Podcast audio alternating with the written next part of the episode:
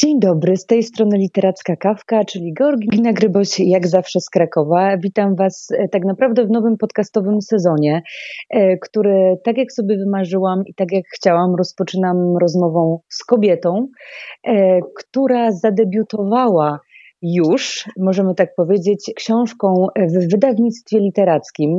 Książka nosi tytuł Szalej, a moją dzisiejszą rozmówczynią jest Monika Drzazgowska. Dzień dobry. Dzień dobry, witam Państwa, witam Panią. E, pani Moniko, e, w związku z tym, że już troszkę e, poczyniłyśmy ustaleń przed rozpoczęciem nagrywania, to mogę Panią poprosić, żeby otworzyć na magicznej stronie niespodziance mhm. książkę Szalej i byłabym bardzo wdzięczna, gdyby przeczytała Pani nam wszystkim jakiś fragment, na który Pani trafi. Mhm. Dobrze, to otworzyłam książkę, jest to strona 53 i może akapit któryś o ten. W progu staje dziadek, wysoko nad głową trzyma widły ze snopkiem pachnącego siana. Potrząsa nim nad dziewczynką, teraz całą w deszczu zeschłych traw. Oboje śmieją się tak głośno, że Ruśka wyciąga łeb ku powale i wydaje z siebie radosny ryk. Jaskółki wylatują z gniazd i krążą pod dachem, świergocząc. Da się zebrać w życiu zaledwie kilka takich momentów czystej epifanii. Parę szklanek niezmąconej wody, pod nią spokojnie suną obłaskawione przez nikogo nienagabywane morskie potwory i paręnaście metrów krystalicznego powietrza. W nim widać poza horyzont, ponad przyszłość, ponad ostateczność, skąd pewnie, kto to w końcu może wiedzieć, przychodzą niewinny śmiech i radość łaskocząca do gołych kości. Taki śmiech to podarunek od wyższego porządku, odprysk równoległego świata. Na dojście do niego można zmitrężyć życie i zostać z niczym. No zmiataj, dziadek zakończył zabawę, mama wołała na zupę. Tyle wystarczy? Powinno wystarczyć, chociaż uśmiechałam się, jak e, e, odszukałam sobie też w książce fragment, który pani czytała, ponieważ on jest e, w zasadzie dla mnie zupełnie inny niż książka, bo jest niezwykle radosny i jest jednym z tych nielicznych momentów, w których możemy mówić o takim trochę nieskrępowanym szczęściu e, i faktycznie dobrych wspomnieniach e, dziecięcych. E, natomiast pani bohaterka, a w zasadzie bohaterki, bo możemy mówić w liczbie mnogiej, nie należą do osób wyjątkowo szczęśliwych. No tak, tym bardziej te momenty, które znajdują, jako szczęśliwe są zupełnie wyjątkowe. Można się zastanawiać nad podejściem do życia. Jedni są nieustająco szczęśliwi i każdy dzień dla nich jest prezentem. E, natomiast inni znajdują tych chwil zaledwie kilka i są one dla nich jak drogocenne kamienie, i kto wie, czy nie grzeją, że tak powiem, dłużej niż taki nieustanny stan euforii szczęścia. Więc tutaj ja w ogóle bardzo się cieszę, że ta książka się zaczęła od słowa poniekąd, ponieważ ja na mnóstwo pytań mogę odpowiedzieć w ten sposób, co mnie bardzo cieszy, ponieważ odnoszę się również do książki mówiąc poniekąd. Poniekąd tak. Nie są może zbyt szczęśliwe, natomiast myślę, że dałoby się w ich życiu odszukać kilka takich momentów właśnie, takich jak ten dziecięcy śmiech, jak te chwile spędzone z dziadkiem w oborze. Myślę, że każdy tak ma i one też tak mają. E, tak, właśnie e, poruszyła Pani e, kwestię w zasadzie niezwykle istotną, czyli właśnie szczęśliwe czy nieszczęśliwe. Bo mhm. oczywiście każdy, każdy recenzent czy czytelnik będzie sobie tworzył swoją własną historię, na którą najpewniej już pani jako, jako autorka nie ma wpływu. Mhm. To, co w naszych głowach będzie się roiło. I oczywiście w pierwszym odruchu, zamykając ostatnią stronę, ale też w trakcie, Mhm. Mm, miałam takie wrażenie właśnie głębokiego smutku. Oczywiście budziły się we mnie wspomnienia też dziecka wychowanego na wsi, również kobiety y, i oczywiście szereg z opisywanych y, przez panią historii gdzieś tam migrała na prywatnych nutach i myślę, że to będzie mm, też niezwykłą siłą tej powieści, bo ona wydaje się bardzo ponadczasowa i bardzo uniwersalna w wymowie dla większości z nas. E, natomiast e, ja się zastanawiam, czy faktycznie żyjąc w pewnym życiu i nawet niekoniecznie je wybierając, możemy je ocenić jako złe lub jako dobre. Bo patrząc na pani bohaterki, e, oceniamy je z perspektywy kobiet żyjących w XXI wieku, rodzących się w różnym czasie, już w latach 90., przecież po roku 2000, w latach 80., również tak jak bohaterka, powiedzmy w latach 70. I o ile dużo rzeczy będzie zbieżnych, o tyle my też patrzymy z różnej perspektywy. Z perspektywy będziemy patrzeć czytelników żyjących w dużym mieście, kobiet bardzo wyemancypowanych, kobiet kompletnie nierozumiejących e, pewne postawy. No i właśnie, czy ten brak zrozumienia nie za bardzo nam przysłoni rzeczy, których być może nie rozumiemy, na przykład tak jak w, w sytuacji babci naszej bohaterki albo mamy, czy jesteśmy w stanie w ogóle określić jako dobre bądź złe wybory, którymi się kierowały w życiu, a o których czytamy w książce? No, ja bym sobie nigdy nie pozwoliła na coś takiego, to znaczy na ocenianie czyichś wyborów ponieważ, e, no tak jak pani o tym wcześniej powiedziała, no, wybór w danej chwili, w danym momencie życia jest wyborem w danej chwili i w danym momencie życia i nie można go oceniać z perspektywy. Oczywiście pewnie historycy by się z nami nie zgodzili, natomiast historycy jakby obejmują spojrzeniem większą całość, że się tak wyrażę, większy obrazek. Natomiast jeśli mówimy o konkretnym życiu, które jest życiem, powiedzmy w cudzysłowie, zwykłym, zwyczajnym życiem, to myślę, że nie możemy czegoś takiego zrobić nigdy, bo to jest bardzo niesprawiedliwe. I tak samo, jeśli to dotyczy babki, tym bardziej, ponieważ myślę, że na tyle wszyscy mają rozwiniętą wyobraźnię, że są sobie w stanie przedstawić, w jakich warunkach i do jakich wyborów ona była zmuszona, żyjąc w takim, a nie innym czasie i jakby chcąc się uchronić od biedy, na przykład wybierając takiego, a nie innego mężczyznę. E, no więc z jednej strony możemy, oczywiście są tacy, którzy ją ocenią, powiedzą, że jakże, no przecież mogła pojechać gdzie indziej, mogła wybrać innego mężczyznę, mogła zaczekać, a przecież kto jej kazał wychodzić za mąż, przecież tych możliwości było mnóstwo. Natomiast przyjdzie bardzo szybko taka refleksja, że właściwie tych wyborów praktycznie nie było z różnych względów i takich bytowych, i takich mentalnych, i historycznych, i jakichś jeszcze innych, więc ja myślę, że nie, nie możemy zrobić czegoś takiego. W żadnym wypadku. Ale, ale równocześnie y, główna bohaterka z kolei y, jest taką postacią, która y, no ciężko uciec od takiej interpretacji, że ona niesie ciężar nie tylko dziadka, do którego zaraz, zaraz chciałabym nawiązać, ale przede wszystkim ciężar kobiet w swojej rodzinie.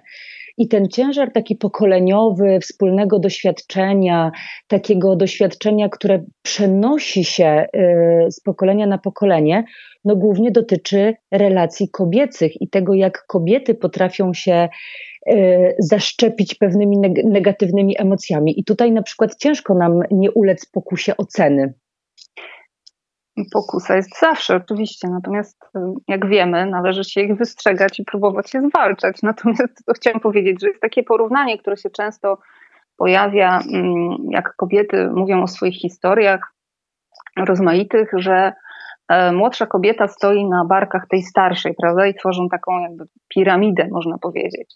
Natomiast e, może zapominamy o tym, albo ja przewrotnie bym jakby zwróciła uwagę na to, że jeśli się stoi na ramionach kobiety starszej, powiedzmy babki bądź matki, no to nie stoi się samemu, ona nas trzyma za te nogi, tak? I można, można e, powiedzieć, że jedna, e, jedna z kobiet będzie nas trzymała z zaangażowaniem, no, z czułością, to może za dużo powiedziane, ale jakby z takim uczuciem i z chęcią zapewnienia bezpieczeństwa, no a inne będą trzymały dlatego, żeby nie wiem, się samemu wesprzeć, albo żeby nie puścić po prostu. Więc no tak, oczywiście, ona została tak, a nie inaczej wychowana w takim, a nie innym miejscu, przez takie, a nie inne kobiety i ona oczywiście niesie na plecach to, co ona jej do tego plecaka włożyły. E, no właśnie, a, a, czy my jesteśmy w stanie jednoznacznie ocenić, e, co włożyły? Bo miałam takie momenty, e, że w zasadzie strach, który gdzieś się niezwykle w Zośce zakorzenił, i w zasadzie dużo rzeczy, które ona, jak to moja babcia mówi, nie dobieraj sobie do głowy, nie rób do tego większej otoczki niż jest. I miałam momentami taką refleksję, czy ona sama nie pogłębiała pewnych traum. Czy y, możemy oceniać w taki sposób charakter na przykład y, naszej bohaterki, w zasadzie pani bohaterki, już naszej, czytelników bohaterki, czy ona, y, czy ona po prostu czy jej niedobrze było w tym kokonie? No czy możemy w ogóle było. w taki sposób to rozpatrywać? No, myślę, że dobrze jej było, bo ona sobie świetnie wyściu, wyścieliła ten kokon czymś. Tak, no ona tak została wychowana i po pierwsze przez e, to miejsce, w którym e, wyrosła, czyli w takim e, specyficznym punkcie, który drżał od takiej energii leśno, jakiejś mityczno-kaszubskiej, jakby pełnej takich historii, którymi się straszy dzieci, oczywiście. I myślę, że Zośka jest taką bohaterką, która jest dosyć wrażliwa, bo w, ja sugeruję w tej, w tej opowieści, że ona ma pewne zacięcie artystyczne. Jest osobą, która być może e, dostrzega wiele rzeczy w czarnych barwach, natomiast dostrzega jednak więcej czy może dostrzega więcej szarości, czy może jednak ta czerń dla niej jest głębsza. I to nie jest tak, że ona pobieżnie się prześlizguje po sprawach, po tym, co widzi. I ona ma trochę takie zacięcie artystyczne, próbuje malować, próbuje tam gdzieś odgrywać jakieś scenki, że dostrzega rozmaite drobiazgi w rzeczywistości, jakieś takie bardzo subtelne detale. I myślę, ale że rzeczywiście... przecież nawet, e, mhm. przepraszam, że się tak wetnę, Proszę, ale nawet, nawet niemalże w finale powieści e, jest przecież wzmianka e, właśnie o, tej, o tym zacięciu artystycznym, które ma się przejawiać w krawiectwie. I pani pisze o wypełnionych guzikami szafkach. Oczywiście tam jest powiązanie do z kolei jej córki i takiego mhm. pomostu, który ona tworzy do tego, żeby nadal być w tym matczynym siodle i z mhm. niego nie wypaść. I, i to jest ten rodzaj pomostu, który ona sobie wytworzyła, ale to również jest coś, co ona ma już nawet jako dojrzała kobieta, czyli pewną wyobraźnię większą niż inni. Ja nie pamiętam, bo nie mam przed sobą tego tekstu, ale wydaje mi się, że, że mniej więcej tych słów e, pani używała, opisując w ogóle tę scenę i ten taki element jej życia, który, który cały czas był obok niej. Tak, bo ona kanalizuje tą swoją niespełnioną ambicję e, właśnie w, w w tych czynnościach e, krawieckich, które jakby też wykorzystuje e, w szkole swoje, swojego dziecka, to jej daje takie bezpieczne ujście dla tej nieposkromionej, można powiedzieć, wyobraźni, bo ta wyobraźnia, ona jakby przez to, że Zośka się nie odważa na razie jeszcze namalować tego obrazu, który trzyma gdzieś tam za zasłoną w mieszkaniu, no to ta energia w niej ciągle buzuje, no bo przecież wiemy, że jak energia nie znajduje ujścia, no to może dojść do pewnego rozsadzenia naczynia, w którym ta energia buzuje. E, ale ona sobie znalazła pewne, pewną, pewien bezpieczny sposób dla ujścia tej energii. Taki jednocześnie pożyteczny, czyli taki trochę jakby chciała prawdopodobnie któraś z kobiet, które ona zna, być może matka, tak, pragmatyczne babka, podejście do. Że praktyczne podejście, a jednocześnie przecież w krawiectwie jest pewna doza jakiegoś szaleństwa. Nie mówimy tu o jakimś wysokim krawiectwie, prawda, ale w każdej jakby sukience, która jest uszyta przez kogoś samodzielnie, jest pewna doza artystycznego zacięcia i ona gdzieś tutaj sobie znalazła tą bezpieczną przystań, być może dzięki niej nie jest taka rozedrgana i być może nie doszło do ostatecznej eksplozji jakiejś. Tak, y, ja trochę, trochę tutaj polemizuję, bo przeczytałam sobie y, recenzję mm, Czechowicza y, Aha. z krytycznym okiem, który bardzo jednoznacznie ocenił te postawy tak naprawdę mhm. w, kobiet w książce. Jakby one, jest ciężar pokoleniowy, jest kobieta, która no bez spoilerów nie wiadomo, czy, czy się wyswobodzi z pewnej matni, którą stworzyła. Mam mhm. wrażenie, że gdzieś jest zgubiony w tym pierwszym czytaniu e, e, taki wątek, który, e, który jest pod podszewką, bo oczywiście można tę książkę, mam wrażenie, odczytywać bardzo feministycznie. E, droga do pewnego wyjścia z brzydkiego kaczątka, mm. droga do, do wyrzucenia z siebie prowincji, bo bardzo często mam wrażenie, mhm. gdzieś, gdzieś słyszę w otoczeniu, że e, ktoś tam jest z Pcimia Dolnego, ale wiesz, Pcimia nigdy z siebie nie wyrzuci i tak dalej, i tak dalej. Mhm. Jakby uwielbiamy takie etykiety, uwielbiamy łatki kogoś, kto e, pędzi do większego świata, kto nagle się uwalnia i tak dalej. I, I, mam wrażenie, że, że ta Zośka skupia w sobie e, trochę wszystkie lęki prowincjuszek, które chcą czegoś więcej, mhm. E, tro, a równocześnie tak naprawdę każda z nas, każda z kobiet, myślę, że też z mężczyzn, ale oczywiście łatwiej mi oceniać pewne y, wybory i postawy życiowe z perspektywy kobiety, którą jestem. My wszyscy uczymy się podejmować własnych wyborów i my wszyscy w jakiś sposób ryzykujemy. Zośka też ryzykowała, mam wrażenie, nawet w najprostszych sytuacjach, jak zakładanie na niechciane wyjście sylwestrowe, kiedy po prostu była udręczona w redakcji, zakładała sukienkę, którą, o której niby marzyła, żeby ją założyć, a równocześnie i tak była bezpiecznym mhm. wyborem. Y, I, I to wszystko tworzyło mi taką postać, która wcale feministyczna nie była. Jakby nie wydaje mi się, że żeby dobrym torem, proszę mnie poprawić, jeśli się mylę, było bardzo jednoznaczne ocenienie y, samego przesłania książki. No poniekąd, po raz kolejny to powiem. Mm. Lubimy poniekąd. Mm, no bo dlatego tak rozpoczęłam, bo mm, miałam świadomość tego, że prawda, interpretacja idzie swoi, swoimi drogami u każdego czytelnika i jakby pytania będą różne, bo ktoś mnie zapyta o, to, o to, o co mnie pani przed chwilą zapytała, a na przykład ze dwa dni temu ktoś mnie zapytał, jak to się stało, że ta Zofia jest taką buntowniczką, a jednak z tego buntu nic nie wyrosło. No więc też musiałam się wtedy zastanowić nad tym i pomyśleć, że rzeczywiście tych 12 dni, e, które ja przywołałam z jej życia, rzeczywiście tak jest, że ona w każdym dniu tego swojego życia, w każdym z tych 12 dni ona dokonuje pewnego buntu. Tak, Ten bunt tak. bywa skromny, bądź bywa wielki, no, bywa wielki jak wyjście za płot, bywa wielki jak choć mówiąc nieuświadomiony, bo ona przecież jakby czuła wewnętrznie, że ona na przykład powinna urodzić syna, że matka by tego chciała na przykład, a rodzi się jej córka. No to jest swego rodzaju bunt, że ona jakby wyjeżdża w ogóle ze wsi, że ona nie ma męża i rozmaite takie, jakby w każdym z tych rozdziałów jest pewien bunt i możemy się zastanawiać, czy z tego buntu coś wyrasta, czy nie wyrasta. Ja powiem poniekąd, bo ona jest przesiąknięta e, tym takim życiem właśnie wiejskim. Ona się czuje niedowartościowana, czuje się gorsza od innych, e, czuje się niespełniona, czuje się pozbawiona ojca przecież, prawda, w pewnym momencie ta wyrwa jest dość bolesna. No tak. więc ona tak, oczywiście jest przytłoczona, natomiast trzeba też o tym pamiętać, że ona rzeczywiście dokonuje w swoim życiu kilka takich e, wyborów, których, na które jej matka bądź jej babka nigdy by się nie zdecydowały. Więc poniekąd tak, no, poniekąd Pan przedstawił swoją interpretację. My możemy dywagować, czy mogłaby być ona inna. I myślę, że może być inna. Mam przed sobą e, taki cytat, e, wycinek mhm. z książki, e, który w zasadzie komentuje albo próbuje podsumować dziadka Zbigniewa po jego śmierci.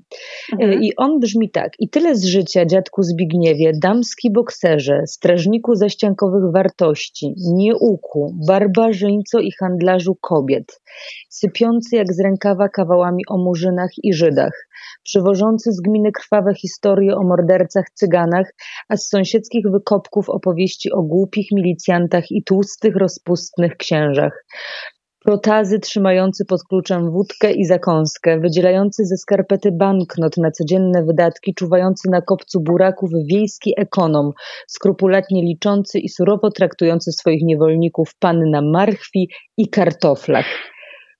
Cóż za okropny obraz dziadka Zbigniewa. Ależ skąd? Ja się w ogóle z tym nie zgodzę, że on jest okropny. Znaczy w ogóle to może nie, za dużo powiedziane. Ale ja doskonale pamiętam moment, w którym ja pisałam ten fragment. I to nie jest ujęte w książce, ale mogę o tym już teraz opowiedzieć. E, chodzi Cudownie. o to, że Lubimy Zośka... takie backstage. Bardzo proszę, może mnie pani zapytać o więcej. Zośka, chociaż mówi bardzo gorzkie słowa, ona mu zazdrości. Ona mu zazdrości, ona mu zazdrości tego, że on był panem świata, na którym stał. On był panem tych kartofli, był panem tej marchwi. Mógł, e, rządził i dzielił. E, miał władzę mm, i możliwości do tego, żeby jego świat, bo przecież to się sprowadza do najprostszego, jakby najprostszego marzenia, które ma wiele ludzi, czyli do urządzenia swojego świata, e, urządzenia świata po swojemu. I co by nie mówić o dziadku Zbigniewie, odsiewając to, jaki on był, to jednak mu się to udało. I Zośka mówi o tym z pewnym podziwem. To jest taka emfaza, w której oczywiście słychać żal, żal nad sobą prawdopodobnie, ale jednocześnie i zazdrość, że ona mu tego po prostu zazdrości, że ona by też chciała swój świat urządzić na swoich własnych warunkach, po prostu. A nie zastanawiać się nieustająco na każdym kroku, dzień za dniem, czy to, co ja zrobię, czy to, ten wybór, na który ja się zdecyduję, czy on zadowoli tych, których ma zadowolić. Być może ona wolałaby opowiadać kawały o Żydach i o Murzynach, być może wolałaby się zachowywać tak jak dziadek, ale jednak byłoby to życie na jej warunkach. I to o to w tym, moment, w tym fragmencie chodziło, choć ja tego nie napisałam, że ona mu zazdrości. No, być może dlatego, że jakby ja to tylko chciałam wiedzieć.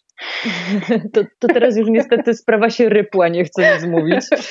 No, już na moich warunkach się rypła. Więc tak więc jest e, dobrze. Nie mhm. poszłam w stronę zazdrości, chociaż teraz jak mhm. pani o tym mówi, to zaczynam się na przykład zastanawiać, czy tej pewne odgrywane nawet w myślach scenki, czyli gdybym e, potrafiła się zachować inaczej, albo no gdybym była tak. odważniejsza, to mhm. zrobiłabym tak i tak. Pewnie. To mhm. fantastycznie w ogóle uważam, że jest to przedstawione e, chociaż, chociażby w scenie przedporodowej. Y, I no właśnie. teraz zadzwonić do niego i powiedzieć mu, masz natychmiast po prostu pakować tyłek w drogę powrotną i wracać, tak. nieważne czy te 400 kilometrów, masz być, bo ja zmieniłam zdanie. Tak. A ona sobie nie daje prawa nie. ani do wymagań, ani do zmiany zdania, mimo że, mhm. że wie, żeby mogła. Mhm. I w zasadzie każda, każda y, sytuacja jest okupiona odgrywaniem scenek. To jest mhm. tak jak z. Mm, Proszę mnie poprawić, oczywiście znowu, bo ja nie znam książki na pamięć, chociaż bardzo bym ja chciała też czasami. nie znam. E, mhm. Sytuacja, w której ona wspomina, jak, jak udaje, że nic jej nie boli nawet jeśli się mhm, uderzy. Tak. To kolejny raz ona przyjmuje po prostu jakąś, e, chociaż tutaj była pozycja niby dominująca, bo ona nie pokazując bólu i nie pokazując mhm. tego, że coś się jej dzieje, no stawała się na pozycji, e, stawiała się na pozycji takiej twardzielki. Mhm. Ale to też było udawane. Tak, no tak, no oczywiście, że tak, bo tak jakby ona spędza duży kawał swojego życia większość z nas by powiedziała, że marnuje je na to po prostu, no ale cóż zrobić, no taka jest, żeby rozważyć alternatywne scenariusze, tylko często robi to już po fakcie. Także co by było, gdybym się zachowała inaczej, prawda? Jakby nieustająco szuka takiego, jak w gabinecie luster trochę. Takiego ogląda się ze wszystkich stron i sprawdza, który, który wizerunek, które odbicie jest idealne i z którym się można pokazać światu na przykład i która będzie zaakceptowana, tak? Bo z jednej strony może się okazać, że przedziałek jest krzywy, ale z drugiej strony to lustro odbija już wszystko w miarę, powiedzmy tak, jak powinno być.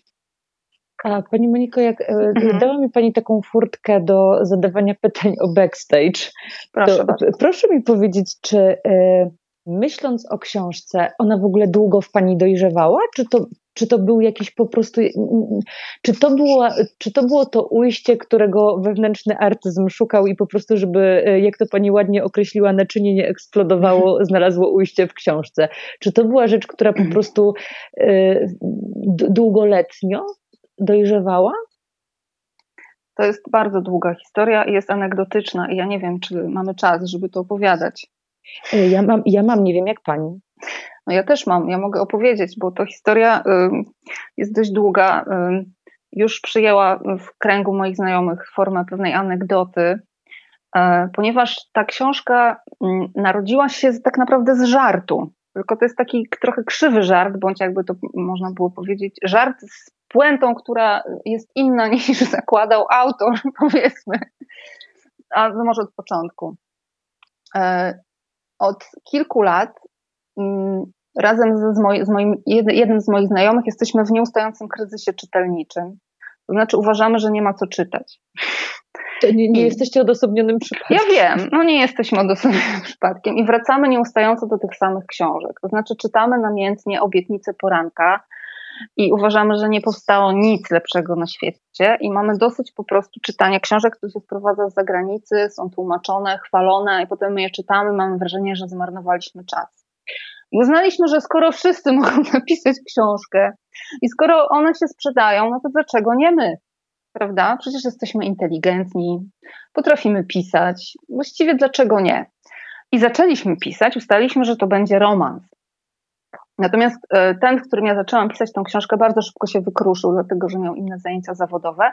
Ja zostałam z rozgrzebanymi dwoma rozdziałami pewnego romansu. To fatalny kochanek. E, kto? fatalny kochanek. No Ten, tak, który się wykruszył? Tak. Nie, to, nie, on nie mógł być moim kochankiem, ponieważ jest moim bratem. Ale kochanek w, w zbrodni pisarskiej. Ach, w zbrodni, ach, o to chodzi. Tak, wbił mi sztylet w plecy. Zostawił mnie z tym rozgrzebanym, e, rozgrzebanymi rozdziałami i ja zaczęłam sobie przy nich dłubać. Znaczy pomyślałam sobie, no trudno, zostałam odtrącona będę musiała to skończyć sama, bo ja nie lubię rzeczy, które nie są skończone, więc zaczęłam przy niej chodzić koło tej książki, koło, koło, tych rozdziałów, chodzić, chodzić i zaczęłam zmieniać zdania tak, że one zaczęły przypominać zdania z tej książki trochę, to znaczy swoją pewną frazą, e, rozmaitymi metaforami, co myślenie, no ten, ten romans mi się tu zaczyna rozjeżdżać, coś jest nie tak. No ale wtedy nastąpiły dwa znaczące momenty. Jeden z nich to jest, e, kiedy ja dostałam w rękę książkę Mm, kiedy dojrzeją porzeczki. To jest tak naprawdę Och, picture ojej. book. Tak, Joanny Koncecho, to jest jedna z moich ukochanych książek. No to bardzo panią pewnie zaskoczy wiadomość, że ja się wychowałam z Joanną w jednej miejscowości, a z jej siostrą chodziłam do jednej klasy. Proszę ja otworzyłam tę książkę. Tu w serce jestem psychofanką pani Anny.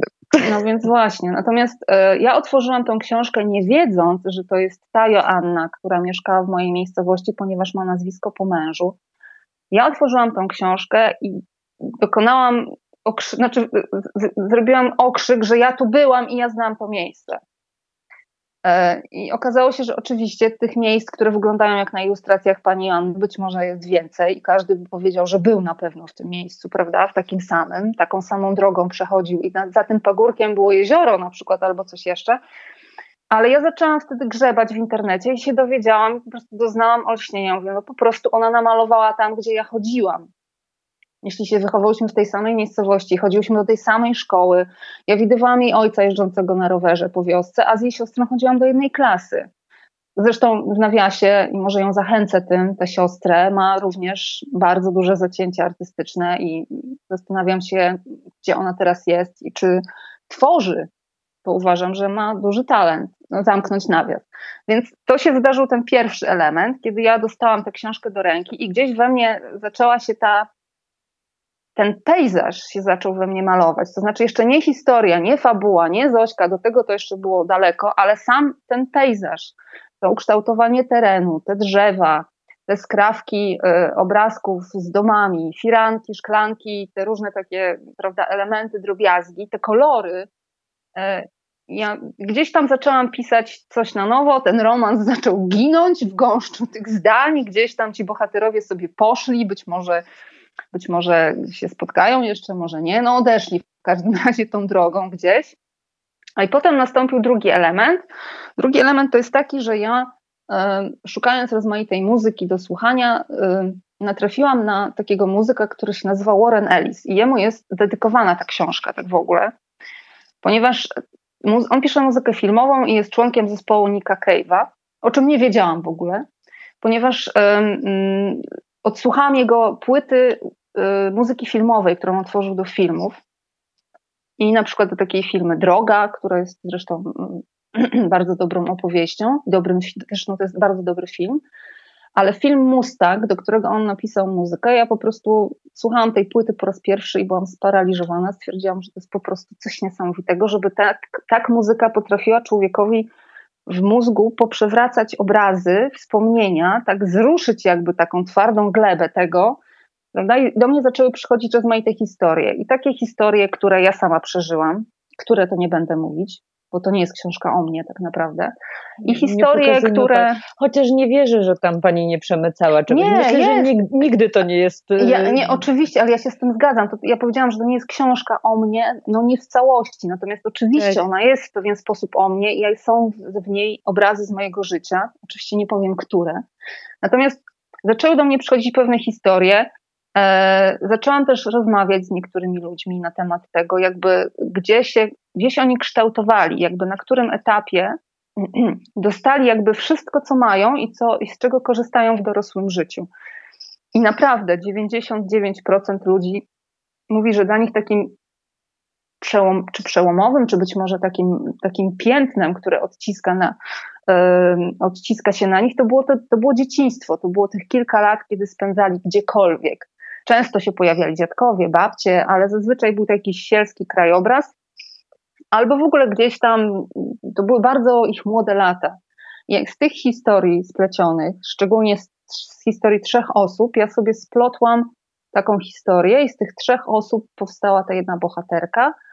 E, I na tym zakończę historię, jak to romans zamienił się historię, o której wszyscy mówią, że jest smutna i przygnębiająca i, i taka, powiedziałabym, dająca do myślenia, ale raczej przypominająca, przypominająca ludziom nie najlepsze ich momenty w życiu. Kropka. E, podoba mi się ta historia. E, jestem cudownie rozbrojona w tym momencie, ponieważ bardzo często słyszę się o jakby takim przebłysku, prawda, jakiejś chęci, zbieraniu tutaj y, opowieści bu buzującej gdzieś w głowie, a, a nagle mam wrażenie, że, że usłyszałam taką historię, którą po prostu częściej chciałabym słyszeć. Ktoś dostał inspirację, ktoś zaczerpnął, bo my tak często czerpiemy, a tak bardzo nie chcemy o tym mówić. Mhm. E, a tutaj nagle jest muzyka, nagle jest inna książka i w ogóle y, strasznie mi się ciepło teraz na sercu zrobiło, jak pani powiedziała o, o porzeczkach mhm. i o Annie Koncecho, bo to jest naprawdę książka, do której ja tak bardzo wracam. Mhm. E, I, I zupełnie sobie tworzę swoje ścieżki za każdym razem, kiedy w ogóle książki pani, pani Koncecho są, e, są książkami, przy których e, często odpływam w, w tereny, o których może nie będę głośno mówić, natomiast, natomiast wiele mi dają. Ale pani Moniko, wracając mhm. jeszcze do szaleju, mhm. muszę zapytać, czy szalej to było słowo klucz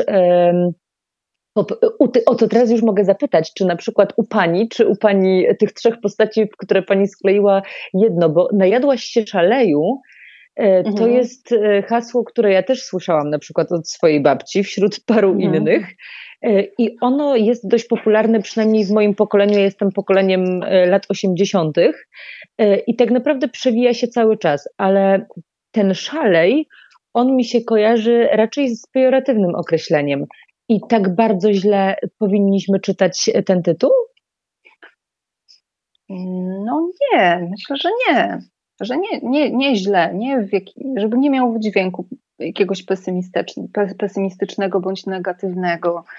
Bo mm, ja z kolei oczywiście też znam tę frazę. Wielokrotnie ją słyszałam, czy gdzieś bliżej siebie, czy dalej siebie, znam ją w ogóle. Też ona funkcjonuje w formie, ta fraza czyś ty się szaleju opiła, bo można się też tak, opić tak. szaleju, prawda? E, I to jest trochę przypadek, ponieważ jakby jak pisałam tę scenę, w której jest przywołana, przywołana ta fraza, to on mi się wyskoczył jak diabeł z pudełka, ten tekst. I to nie było tak, że sobie zaplanowałam, że ja go użyję, w przeciwieństwie do innych zdań, których użyłam, które miałam zapisane i powiedziałam, że jak nie użyję, to po prostu nie wiem, muszę ich użyć, ponieważ mi się bardzo podobają. Natomiast. E, niech, niech szczezną redaktorzy. niech szczezną redaktorzy. Właśnie, więc e, trochę przypadek. Natomiast ja bym chyba. Ja nie wiem, czy ja tu mogę jakby powiedzieć, bo nie wiem, czy to nie będzie jakiś spoiler, nie wiem, czy Albo nie, może nie. Dobrze, wycofuję się z tego. Wycofuję się z tego. Nie, może lepiej nie. Natomiast co chciałam powiedzieć, że, że nie, że myślę, że e, te drobne momenty, które są zawarte w tych 12 dniach życia e, Zośki, kiedy ona jednocześnie dokonuje pewnego wyłomu w swoim życiu i dostrzega pewne rzeczy, które jej pozwalają żyć dalej, bo przecież w każdym momencie można by było z tym życiem skończyć, że ono Y, jest pewnym szaleństwem, te, te jej wybory, te drobiazgi są pewnym szaleństwem, które, a w szaleństwie można się też przecież poczuć bezpiecznie, że jest to pewna sfera, w której y, wszystko wolno, ponieważ jesteśmy szaleni, więc nie znamy ograniczeń, nie znamy e, przykazań, nie znamy słowa powinnaś e, i możemy sobie pozwolić na, wie, na wiele. Więc ja bym tutaj jakby niuansowała trochę ten tytuł, że on nie, nie jest do końca negatywny, myślę. Choć w tym jakby ja pierwszym ja tak czytaniu jest, nie odbieram, ale właśnie... Tak, w pierwszym czytaniu jak nawiązujemy do tego, prawda, do tej mikstury z tego szaleju, bądź jakby, że się nim obiadamy, no to tak, rzeczywiście. No tak, ale dobrze, że jest jakby też druga strona tego słowa e, i możemy też się do niej odnieść. Tak, no czystym szaleństwem jest też e, wizyta u lekarza na przykład. No, mnóstwo się czytelnicy dowiedzą e, e, rzeczy o tym, co może być kamieniem milowym w życiu Zośki. Tak mi się mhm. wydaje, że parę, parę zaskoczeń tutaj będzie. Mhm. Ja co prawda mam swoją ulubioną historię, to jest historia e, Zośki i jej szalonego współlokatora na studiach. To, ta relacja mi się Naprawdę? Jakoś, tak, ogromnie mi się podoba ta relacja, ona jest zupełnie pospolita. Mam wrażenie, że w ogóle takie mieszkanie i taki układ. To każdy w nim był. Tak, tak, że on jest po prostu tak fantastyczny, to jest zupełnie fantastyczny po prostu z tym, z, z tym sprzątaniem za kimś, kto po prostu ma inne walory, które po prostu omijamy gdzieś szerokim łukiem, ponieważ to jest wygoda, prawda? Można, że tak powiem, pobyć w mm. interesującym towarzystwie, w ogóle w jakimkolwiek, jak się ma takiego wodzireja, pędzi wiatra obok siebie. Jakoś niezwykle to było dla mnie urokliwe. może wybieram, wybierałam mniejsze zło po prostu w, w, całej opowieści i skupiałam się na tym, co, co mi się wydawało jakoś rozkosznie właśnie szalone w mhm. młodości. Prawda? No bo to jak na nią, to było wyjątkowo szalone, prawda? Zresztą Ależ ona jest... kłamała. no, to prawda? mnie najbardziej chyba zbulwersowało, że ta dziewczynka spod klosza, która po prostu była mm. w mhm. takiej kindersztubie w jakiś sposób e, wychowywana, tak. nagle ośmiela się, żeby zupełnie temu całemu towarzystwu, y, mającego jakąś ułudę y, dalej ingerowania w jej życie, przecież kiedy ona jest dalej, mm. po prostu no, a ona ich robi w bambuko, tak no totalnie. No I to, to było fantastyczne zupełnie dla mnie. Tak, to dlatego był, ona no. ma pewien rys buntowniczki w sobie, myślę, no bo to też wymagało od niej niesamowitej odwagi. Tak. Postawić się matce i ją kłamać. Dokładnie, no, kłamczucha. E, pani mhm. Moniko, zbliżając się mhm. do końca, bo ja za chwilę po prostu zacznę spoilerować, bo oczywiście się rozkręciłam i już zaczynam sobie przypominać jakieś wątki, które po prostu na pewno zdradzą za dużo, ale y, mam takie pytanie kończące y, do pani. Mhm. Jak pani się czuje i to jest zupełnie pytanie bez żadnych podtekstów, ale trochę łączące się z niezadowoleniem z lektur, które pani dostaje. Jako człowiek wydający książkę w Polsce, zasilający po prostu w tym momencie autorów, y, no, ludzi piszących. Jakie to jest uczucie? Tak, wydałam książkę, no i teraz, i teraz co? Dało się wydać.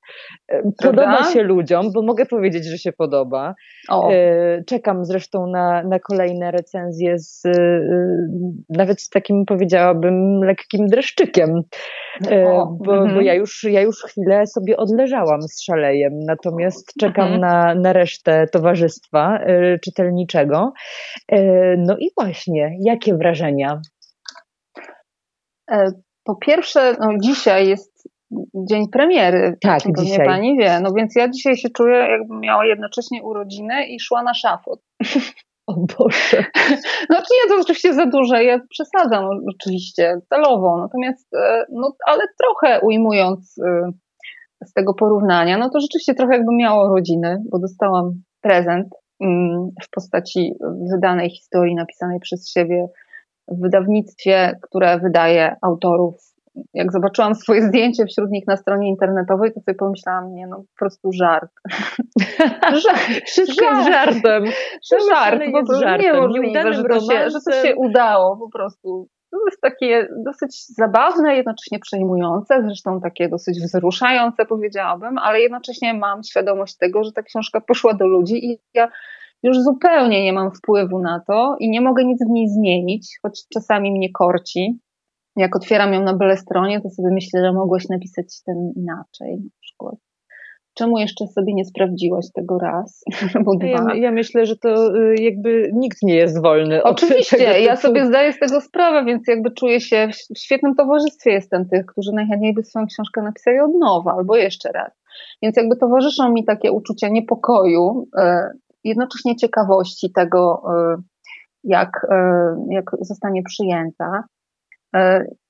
I ja wyglądam też tych recenzji, choć nie, nie wszystkie daję radę czytać, ale te, które przeczytałam, jakby pokazują, że raczej większość z czytelników odczytuje tę książkę tak, jak ja sobie to zaplanowałam, E, myślę, choć na razie miałam do czynienia głównie z takimi recenzjami na Instagramie chyba i zdaję sobie sprawę z tego, że to jeszcze nie są te recenzje takie duże, sążniste recenzje recenzentów bądź krytyków literackich. Znaczy, na wszystkie się czeka, ale to nie są jeszcze te takie, powiedziałabym, dogłębne, można by Wchodzące w bebechy. W bebechy i właśnie jestem ciekawa, jak to tam te bebechy zostaną odczytane. Mm, no czekam i jestem ciekawa tak się dzisiaj czuję, powiedziałabym. E, ja teraz trochę, trochę zaczęłam żałować, bo e, miałam przygotowany tekst wcześniej. E, teraz siłą rzeczy jestem nasycona rozmową z panią. To mi mhm. burzy co najmniej trzy akapity tekstu, które napisałam. Ależ proszę. Więc jestem, lekko, więc jestem lekko zbulwersowana, ale yy, znaczy tak, mogę podziękować, bo teraz nie wiem, czy po prostu skaszaniłam tekst, który sama napisałam. Yy, jeszcze muszę to przemyśleć. Yy, pani Moniko, mhm. Gratulując Pani i życząc dalszych tak. sukcesów Pani urodziny, przynajmniej urodziny Szaleju. Dziękuję bardzo. E, mam nadzieję, że, mam nadzieję, że będzie rewelacyjnie. Mam nadzieję, że nikt nie powie, że Monika Drzezgowska zasiliła po prostu szeregi autorów, e, których nie powinno się czytać i na których marnuje się czas. Hmm. I mam Też nadzieję, mam taką nadzieję. Tego Pani życzę. Ja natomiast mam nadzieję, że Pani na szaleju nie skończy. E, o. Mm, no, można powiedzieć, że nie skończyłam, bo mam. Co ja mam? Zaraz pani powiem, co ja mam. Mam jedną rzecz, która jest już skończona.